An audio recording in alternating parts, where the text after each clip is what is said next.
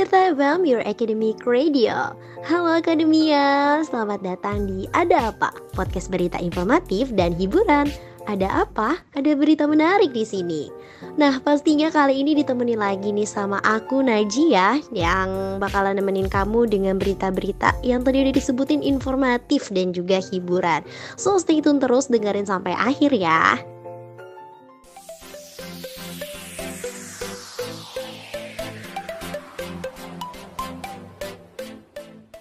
Aduh akademia sedih banget nih awal bulan Maret ini. Gimana gak sedih coba? Kemarin tuh lagi seneng-senengnya nih ya kuliah mau tatap muka Eh ada aja gitu halangannya.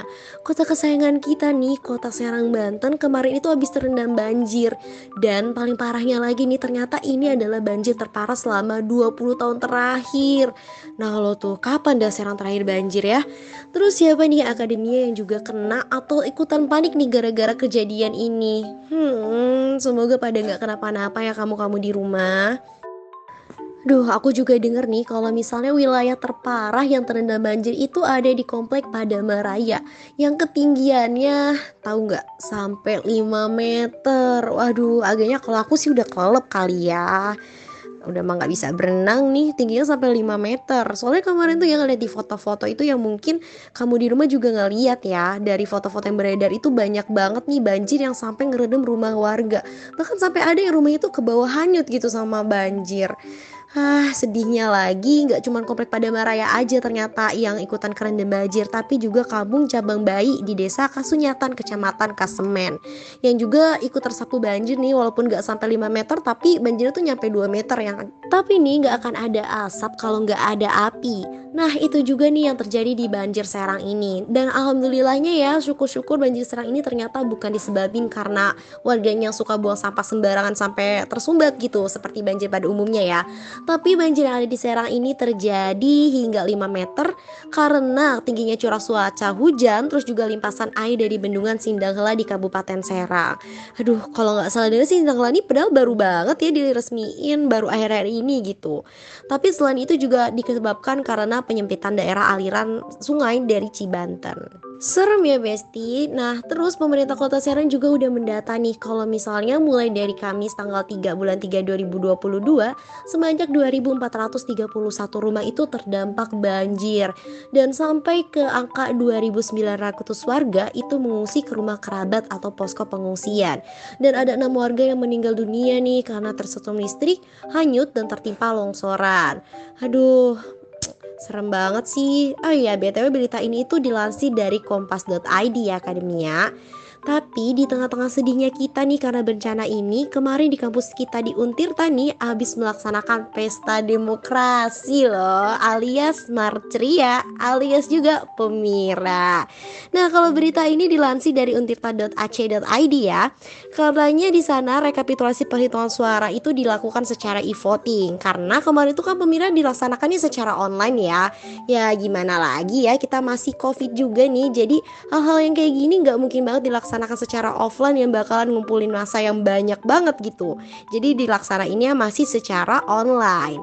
Nah dari pelaksanaan pemira kemarin ini nih pasangan dari Riko dan Haikal sebagai Presma dan Wapresma Untirta periode 2022 udah terpilih dan juga udah diresmikan. Gak cuma pemilihan Presma dan Wapresma aja nih, tapi juga kemarin kita telah melaksanakan pemilihan Ketua BEM dan juga Ketua HMJ yang juga pastinya diresmikan dong. Wah siapa nih akademi yang kemarin udah milih. Akademinya nggak ada yang golput dong ya. Ya kita sih berharap aja ya Semoga pemimpin yang terpilih itu bisa amanah Dan juga bisa kerja dengan tulus gitu Untuk para mahasiswa lainnya um, BTW nih ya Ngomong-ngomongin tulus Ada kabar yang lagi hits banget nih sekarang. Karena penyanyi terkenal tulus Itu baru aja nih merilis 10 lagu yang merupakan satu album yang berjudul Manusia. Wah, ini yang kita tunggu-tunggu banget gak sih? Kamu juga nungguin gak nih? rilisnya album dari Tulus. Nah, dilansir dari prambos.fm, 10 lagu yang dirilis itu ada yang judulnya 17, Kelana, Remedi, Interaksi, Ingkar, Jatuh Suka, Nala, Hati-hati di Jalan, Diri, dan Satu Kali. Uh, banyak ya. Sekalinya comeback tuh langsung 10 kali gitu. Mantap banget nih Tulus. Dan lagunya nggak ada yang gagal sih. Harus banget juga nih kamu dengerin. Gimana? Yang mana lagu kesukaan kamu? Udah pada denger lah ya. Emang Tulus tuh, aduh, tulus banget gitu lagunya ya. Kerasa Nah, berita yang selanjutnya nggak kalah membahagiakannya nih. Ada berita bahagia dari aktor ganteng yang jodohnya saya tapi ditikung si Fahaju gitu ya. Siapa lagi nih kalau bukan Rizky Nazar? Nah, udah banyak banget yang tahu lah ya kalau misalnya si Fahazu nih pacar dari Rizky Nazar itu habis memposting foto bahagia sama pacarnya. Nah, dari situ biasa lah ya, netizen tuh banyak banget nih yang bereaksi pada nanya-nanya dan ngira kalau misalnya rehabilitasnya Rizky Nazar ini udah selesai gitu. Dan banyak juga yang bertanya-tanya loh kok cepet gitu ya tapi ternyata faktanya dari yang dilansir dari Tribun News, Rizky Nazar ini masih menjalani rehabilitasi rawat jalan di BNNK Jakarta Selatan. Rizky Nazar juga diwajibkan buat menjalani rehabilitasi dengan total 8 sesi. Jadi belum bebas ya, tapi alhamdulillah lah ya guys, karena masih bisa lihat perawakannya nih, bisa juga nikmatin actingnya. Karena ya nggak dipungkiri ya Mas Rizky ini sangat menarik gitu. Jadi banyak juga nih netizen yang seneng kalau misalnya Rizky Nazar udah keluar. Dan juga banyak banget yang support Rizky Nazar waktu lagi ada masalah ini. Karena kan emang aktor yang satu ini tuh citra sebelumnya tuh dibangun dengan suatu hal yang emang menarik gitu ya. Menarik banget secara fisik dan juga karakternya. Tapi BTW nih, akademia tahu nggak sih kalau ternyata ada loh alasan psikologis nih kenapa seseorang itu terlihat menarik gitu bagi kita. Kayak gimana nih, Nisri Nazar tuh kelihatannya menarik ya di mata kita-kita juga. Karena kalau dari yang dilansir dari liputan6.com, aku mau kasih tahu akademia nih, kalau ada 8 hal yang emang itu tuh menjadi alasan psikologis kenapa seseorang tuh bisa terlihat menarik di depan mata kita. Yang pertama itu dari pupil mata. Karena ada penelitian yang nyebutin juga nih kalau misalnya orang tuh bisa tertarik suka sama kita kelihatan dari pupil mata yang secara nggak sengaja tuh membesar kalau lihat orang kita suka. Nah, karena pupil mata membesar tuh ternyata jadi daya tarik juga buat lawan jenis juga ikut balik suka sama kita kita.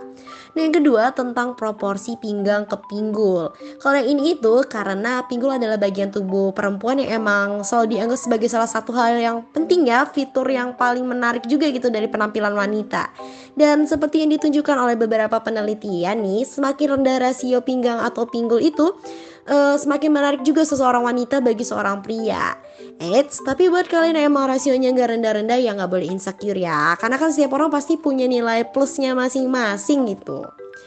Oke, okay. nah lanjut lagi ke wajah yang simetris.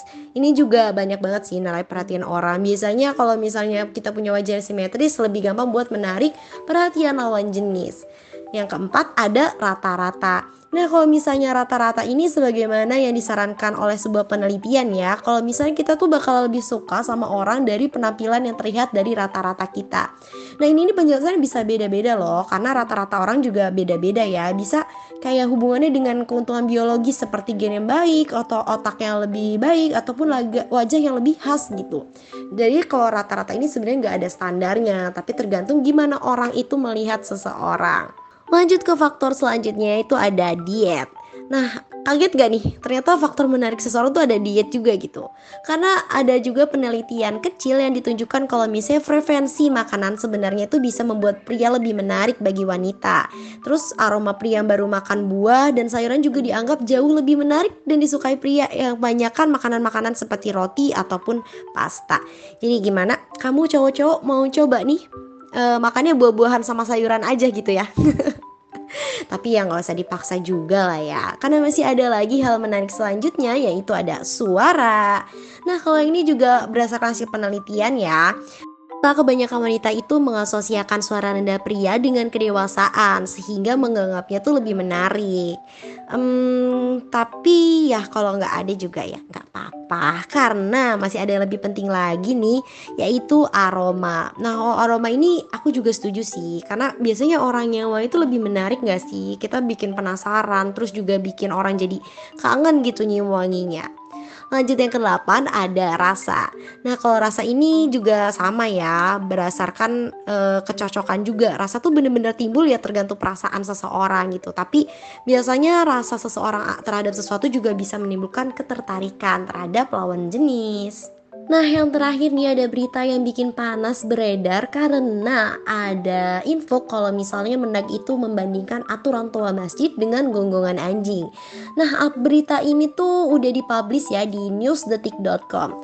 Nah, ini dilontarkan sebagai analogi kalau misalnya suara tua itu selalu kencang dan juga sering, makanya diutamakan dengan uh, gonggongan suara anjing ya. Padahal perumpamaan ini terlalu sarkas ya mungkin.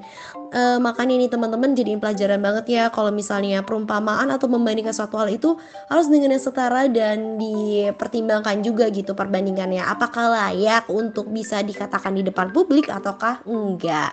Karena hal ini juga banyak banget nih respon-respon daripada netizen dan juga masyarakat ya. Bahkan banyak banget yang menggugat juga nih uh, hal tersebut ke pengadilan. Terus juga banyak yang komen-komennya tuh ternyata bener-bener gak setuju dan menganggap ini tuh sebagai penistaan. Aduh jangan sampai nih ya kita ikutan sampai kayak gini gitu.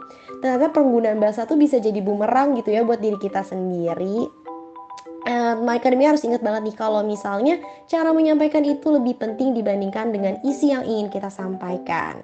Oke Akademia, nah berita yang tadi itu sebagai berita penutup ya. Jadi sampai di sini dulu berita-berita di podcast Ada Apa episode kedua. Tapi jangan sedih karena podcast kita tuh masih banyak banget loh konten-konten yang lebih menarik yang bisa kamu nikmatin juga. Tapi jangan lupa nih untuk ikutin seluruh akun sosial medianya Tirta FM mulai dari Instagram @tirta.fm, ada juga Twitternya di @tirta_fm, ada lain di @kch7679i dan YouTube kita di 107,9 Tirta FM. Jangan lupa juga untuk ikutin podcast kita terus di Spotify-nya Tirta FM. Aku Najia pamit undur suara and see you.